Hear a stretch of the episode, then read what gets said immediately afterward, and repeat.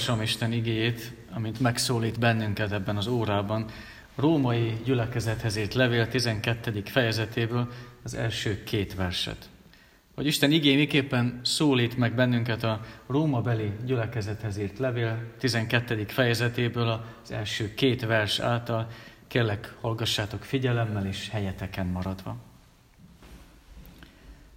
Az Isten irgalmára kérlek tehát titeket, testvéreim, hogy okos Isten tiszteletként szánjátok oda testeteket élő és szent áldozatul, amely tetszik az Istennek. És ne igazodjatok-e világhoz, hanem változzatok meg értelmetek megújulásával, hogy megítélhessétek, mi az Isten akarata. Mi az, ami jó, ami neki tetsző és tökéletes.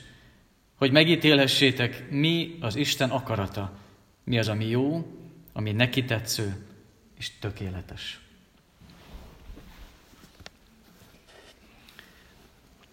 Ha valaki figyelmesen hallgatta az igét, akkor lehet feltűnt az, hogy nem a múlt vasárnap is ez az ige hangzott el? Vajon akkor még egyszer ugyanazt fogjuk hallani? Az igazság az, hogy annyira tömör ez a két vers, hogy akár két hónapon keresztül is nyugodtan lehetne prédikálni róla, és témánként, akár szavanként is sok mindent ki lehetne hozni belőle, de természetesen megnyugtatok mindenkit, hogy nem két hónapon keresztül fogják ezt a két verset hallani. Haladunk tovább majd ezzel a fejezettel, viszont van egy téma, ami mindenképp megállásra késztet bennünket, még mindenképp kifejtésre szorul, és ez nem más, mint Istennek az akarata. Persze egy prédikáció kevés arra, hogy Istennek az akaratáról mindent megtudjunk, és mégis jó abban, hogy utat mutasson nekünk, főleg ebben az igében. Már csak azért is, mert sokszor magától értetődően tudjuk, hogy mi az Istennek az akarata, és máskor meg sokszor csodálkozunk, hogy miért akarhat ilyet az Isten. Nem mindig értjük. Kérdés, hogy fontos-e tudnunk, hogy miért fontos tudnunk az Istennek az akaratát. Egy történet talán egy kicsit segít bennünket eligazodni. Egy misszionárisról mesélték, aki a családjával benszülöttek között élt már több éve, hogy egyik alkalommal egyik benszülött beszaladt a házukba, és a legkisebb gyermeket megfogta, és kivitte, és kiszaladt vele.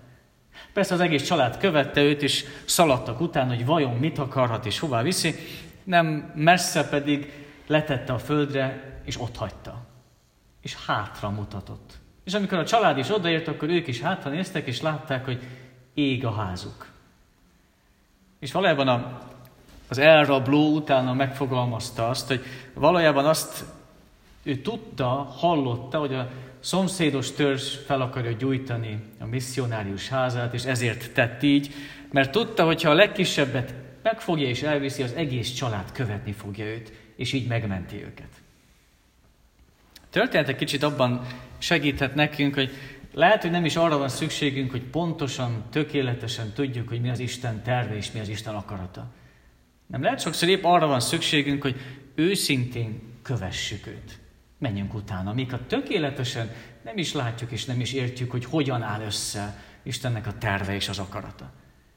És talán az ige ebben szeretne bennünket előre mutatni és utat mutatni, hogy hogyan tudjuk ezt megtenni. Az ige így válaszolhat erre a kérdésre, hogy az életünk legyen egy Isten tisztelet. Így tudjuk Istennek az akaratát követni igazán, ha az életünk egy Isten tisztelet. Nem csak itt a négy fal között, hanem az életünk mindennapja is. Hogyha ránk néz valaki, akkor rajtunk keresztül is lássa Istent értékesnek. Ha ránk néz valaki, akkor lássa azt, hogy Isten mindennél értékesebb nálunk. Ránk néz és látja azt, hogy Isten értékesebb, mint a pénz a mi életünkben. Ránk néz és látja, hogy a mi életünkben értékesebb Isten, mint a hatalom, vagy mint a saját igazságunk, vagy mint a vagyon, vagy mint a hírnév, és még sok mindent sorolhatnánk. Ránk néz és lássa azt, van ebben az emberben valamilyen reménység, ami vonzó, ami más. Honnan van? Mint amikor Mózes közeledett az égő csipke bokorhoz, és nézte meg, hogy vajon mi van itt, hogy ég és mégse ég el? Vajon mi az, ami ezt előhozza ebből a bokorból? Oda vonzotta őt is, hogy nézze meg, hogy hogy lehet ez. Valami Hasonló az, amikor az életünk egy Isten tisztelet. Hogy oda vonz másokat, hogy megkérdezzék, hogy hogy lehet ez? Neked értékesebb mindennél az Isten. Mert csak így tudjuk megérteni, és így tudjuk követni az Istennek az akaratát. Persze ez egy olyan szó, amit nem biztos, hogy jól és helyesen értünk, amikor Isten akaratáról szó van. Igazán két akarata van Istennek. És fontos, hogy ezt jól értsük. Van egy olyan akarata, ami egyetemes. Nevezhetjük akár ilyen idegen szóval, elmondom azért mégis, hogyha hallják, hogy szuverén, vagy egyetemes. Azt jelenti igazán, hogy hiba nélkül, amit ő akar, az megtörténik. Nem lehet, hogy meggondolja magát, nem lehet, hogy emberek megakadályozzák. Amit ő akar, az megtörténik. De van egy olyan akarata is, amit nevezhetünk így, hogy erkölcsi akarat, ami, ami azt jelenti, hogy ismerjük az akaratát. És tehetünk úgy, hogy azt mondjuk, hogy nem érdekel. Mi nem tesszük mégsem. Ismerjük, tudjuk, hogy mi a jó, mi az ő útja, de azt mondjuk, hogy minket ez most nem érdekel. Nézzük meg egy kicsit mind a kettőt külön-külön. Az első, az egyetemes akarata Istennek, ilyen például Jézusnak a kereszt halála. Jézus kereszt halála a mi bűneinkért történt, és ez Istennek az akarata volt. Ezt nem tudta senki megakadályozni, ha bár szerették volna és próbálkozták, akár még mondhatnánk, hogy Júdás is hasonlót szeretett volna, de nem tudta senki megállítani. Jézusnak meg kellett halnia. Ez volt az Istennek az akarata. De nyugodtan mondhatjuk, hogy a, a világ teremtése és Istennek az akarata. Kimondta, és meglett.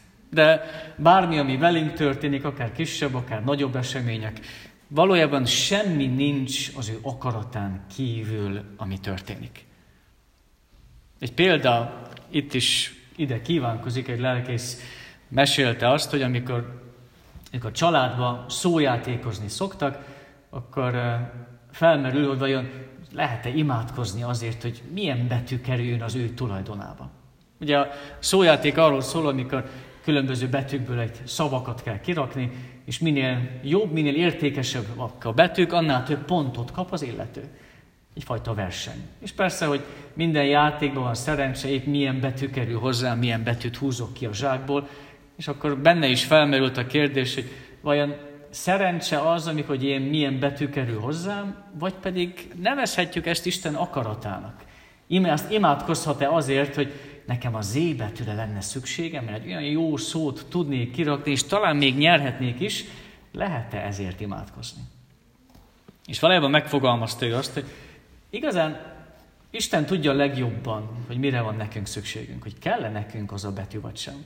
Isten tudja legjobban, és rá kell tudjuk bízni az ő akaratára, még az ilyen apró, kicsi, akár semminek tűnő dolgokat is. És imádkozhatunk azért, hogy Uram, legyen meg az, ami téged dicsér. Legyen meg az, ami segíti akár ezt a családot játék közben, de legyen meg a te akaratod, és én tudjak hozzá alkalmazkodni. Nincsen szerencse, vagy nincsen még bal szerencse sem, hanem Istennek az akarata van. Még az ilyen kicsi, hát akkor még a nagyobb dolgokban. De az, hogy teljes legyen számunkra a kép, értenünk kell, hogy van egy másik vetülete is Isten akaratának. Ez az erkölcsi akarat. Ez azt jelenti, hogy Isten szeretné, hogy mi, mi mások legyünk, mint ez a világ. És sokszor nem vagyunk mások. Isten szeretné azt, hogy mi szentek legyünk, és mégsem vagyunk mindig szentek. Sőt, Isten szeretné azt, hogy mindenki üdvözöljön, és mégsem fog mindenki üdvözölni. Isten szeretné azt, és akarja azt, hogy én ne hazudjak, szeretné azt, hogy ne csapjak be másokat, hogy én ne irigykedjek, ne haragudjak másra. És mi mégis tesszük ezeket. Istennek ez az akarata az, amit tudunk, ismerünk, előttünk van akár ott a tíz parancsolatban, és mégis megtehetjük azt, hogy félretesszük, és nem foglalkozunk vele.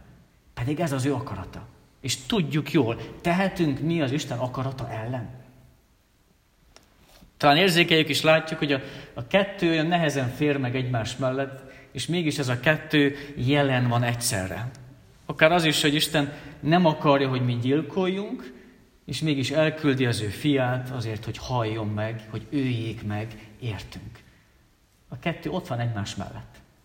Ez az Istennek az akarata? Sokszor mi magunk is a kettő közé kerülünk, akár akkor, amikor a saját élethelyzetünket nézzük. Amikor lehet, hogy valaki a közelünkben meghal, valaki gyógyíthatatlan betegséget kap el, valakit tragédia sújt, vagy valaki egyedül léttel kell megküzdjön, valaki nyomorúságban van, és akkor megkérdezzük, hogy ez az ő akarata? Ezt akarja az Isten? És ha egy kicsit a, ez a kettős látás a miénk, akkor meg tudjuk talán fogalmazni azt, hogy, és elhinni azt, hogy, hogy Istennek fáj, amikor velünk rossz dolgok történnek.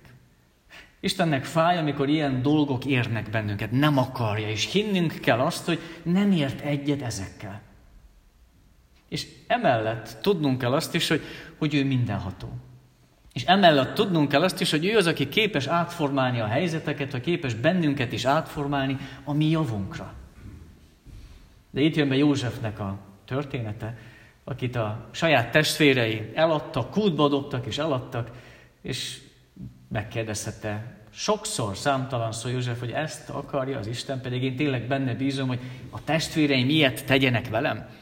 És akkor a, a történet vége került felolvasásra, amikor már Egyiptomban van uralkodóként, és ő az, aki segít a testvérein, és elmondja azt, hogy ti gonoszt gondoltatok ellenem, de Isten ezt jóra gondolta fordítani, mert ő az, aki mindenható és át tudja formálni az élethelyzeteket, és át tud bennünket is formálni. Persze, ha egy ilyen élethelyzetbe kerülünk, akkor gyakran bennünk van az, hogy, akkor eltaszítsuk Istent magunktól. És ha ilyenkor eltaszítjuk Istent magunktól, akkor tényleg nem tudunk túllátni a saját gondjainkon, akkor nem tudunk kikerülni a veremből. Ha csak haragudni tudunk rá, és valamikor tényleg haragszunk rá, akár zsoltárokat olvasunk, megláthatjuk, hogy valamikor tényleg haragudni is lehet Istenre. De ha nem akarunk túllépni ezen, akkor magunkat hagyjuk benne a gödörben. Igazából erre a két dologra van szükségünk. Arra az Istenre, aki elutasítja, sőt, aki utálja a gonoszt és a rosszat, és ezt hinnünk kell róla. És arra az Istenre, aki mindent irányít, aki Úr mindenek fölött a mi javunkra értünk. Melyik akaratról van itt szó? Kérdezhetjük az igében, melyik akarat kerül elő? Isten nem azt akarja, nem az a célja, hogy mi tudjuk meg azt, hogy holnap mi fog velünk történni. Mi lehet, hogy sokszor ezt szeretnénk, hogy tudjuk meg holnap pontosan mi az, ami, milyen események fognak érni bennünket. Vagy akár tudjuk meg a, a holnapi nyertes lottorszámokat, legalább ennyit tudjunk meg tőle. Mi sokszor a jövőt szeretnénk látni, hogy ha az Úr tudja, akkor tudjuk meg mi is. Valójában azonban Isten azt szeretné, hogy mi újuljunk meg.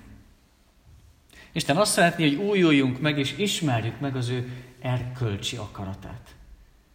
Ismerjük meg azt, hogy hogyan éljek úgy, hogy mutassak napról napra felé.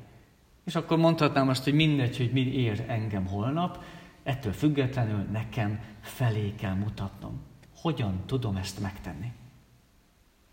És valójában az Isten igéje az, ami utat mutat nekünk ebben. A Biblia az, amiben valójában benne van Istennek az akarata. Ha meg akarom ismerni, akkor olvasnom kell. Olvasnom kell az Istennek az igét, mert ez az, ami tökéletesen elégséges számunkra ebben az életben. Persze mondhatjuk azt, hogy nincsen benne minden. Nincs benne az, hogy hánykor érdemes nekünk felkelni, vagy milyen iskolába érdemes nekünk járni, hol jó nekünk dolgozni, vagy hol a legjobb számunkra élni, vagy oltassuk be, vagy ne oltassuk be magunkat. Ilyen kérdésekre nem igazán találunk választ benne. És akkor ezért érdemes folytatnunk azt, hogy ha tudjuk olvasni Istennek az igéjét, akkor tudunk imádkozni is, és keresni az ő akaratát.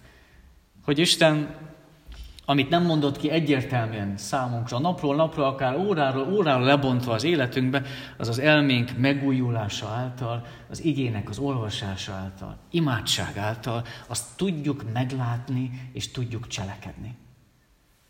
És valójában így juthatunk el oda, hogy teljesen a részünké válik az ige. hogy teljesen a létünké válik, és magától értetődővé válik az, hogy én az Istent követem. Biztos jártunk már úgy, amikor elvették a villanyt, akkor annak ellenére tudtuk, hogy nincsen, és mégis mind kapcsoljuk fel a villanyt reflexből. És milyen nem számoltam, de érdemes számolni, hogy hány alkalommal kapcsoltuk fel a villanyt, pedig tudjuk jól, hogy teljesen hiába való, mert éppen nincsen. Hány alkalom kell elteljen, hogy döbbenjünk rá, hogy itt megtudjuk, de a cselekedetünk is azt tegye. A kezünk is engedelmeskedjen. Na, amikor olvassuk az igét és imádkozni is tudunk, hány és hány alkalom kell elteljen ahhoz, hogy reflexé váljon számunkra az Istennek a követése. Amikor fölülírja a mi reflexeinket, a mi szokásainkat, a mi indulatainkat, az ige, akkor tudunk eljutni oda, hogy természetes lesz, hogy Isten felé mutatunk. Hogy természetes lesz az, hogy az ő akaratát keressük és cselekedjük is. Ez legyen az az akarat, amit keresünk és teszünk. Amen.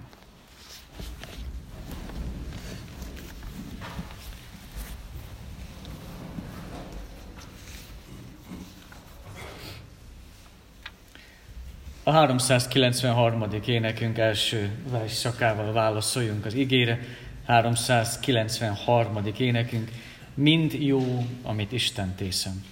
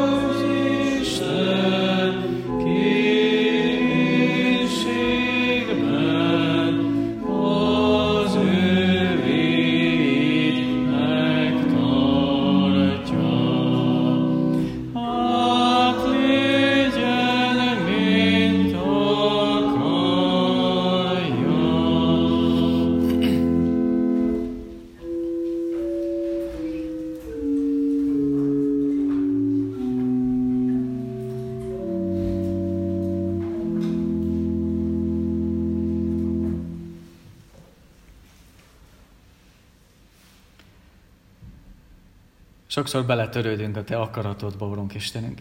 Hogyan is vitatkozhatnánk mi porszemek veled a világ mindenség urával. Beletörődünk, hogy ennek így kellett történnie. Ez így volt megírva. Engedd, Urunk, hogy ez ne legyen egy keserű beletörődés, hanem tudjuk szeretettel elfogadni mindazt tőled, ami, ami ér bennünket. És lehet, hogy ez a nehéz igazán. Nehéz, amikor nem mindig értjük, hogy miért van ez így. Ha te tehetnél ellene, akkor miért nem teszel? Ha lehetne másképp, ha, ha nem ez a te akaratod, akkor miért történik meg? Nehéz kérdések ezek, amikre nem mindig tudunk válaszolni. És mégis az ige szeretne eligazítani bennünket ebben is. Eligazítani bennünket, és észre, hogy vegyük észre, lássuk meg számodra is mennyire fájdalmas, amikor, amikor nem tesszük az, ami amit látunk és tudunk, hogy a tiéd, nem tesszük. Engedd, Urunk, hogy ha megértjük a Te akaratodat, akkor, akkor akarjunk rálépni erre az útra, és akarunk rajta lenni. De értsük meg a körülöttünk és a bennünk történő eseményeket, és értsük meg azt, hogy Te vagy az, aki igazán mellénk állsz. A fájdalmainkban is ott vagy velünk. A kísértésekben is szeretnél megtartani, és a nyomorúságban is egyedül létben is szeretnél mellénk állni. Lássunk így, te ezt akarod, hogy lássunk magunk mellett minden élethelyzetben. És ha így látunk, mennyire másképp látjuk magunkat, és mennyire másképp téged. Kérünk, hogy így nézzünk előre ebben az évben is. Így tudjuk követni és tenni a Te akaratodat. Jézusért, a Krisztusért. Amen. Bizalommal tárjátok fel szíveteket Isten előtt.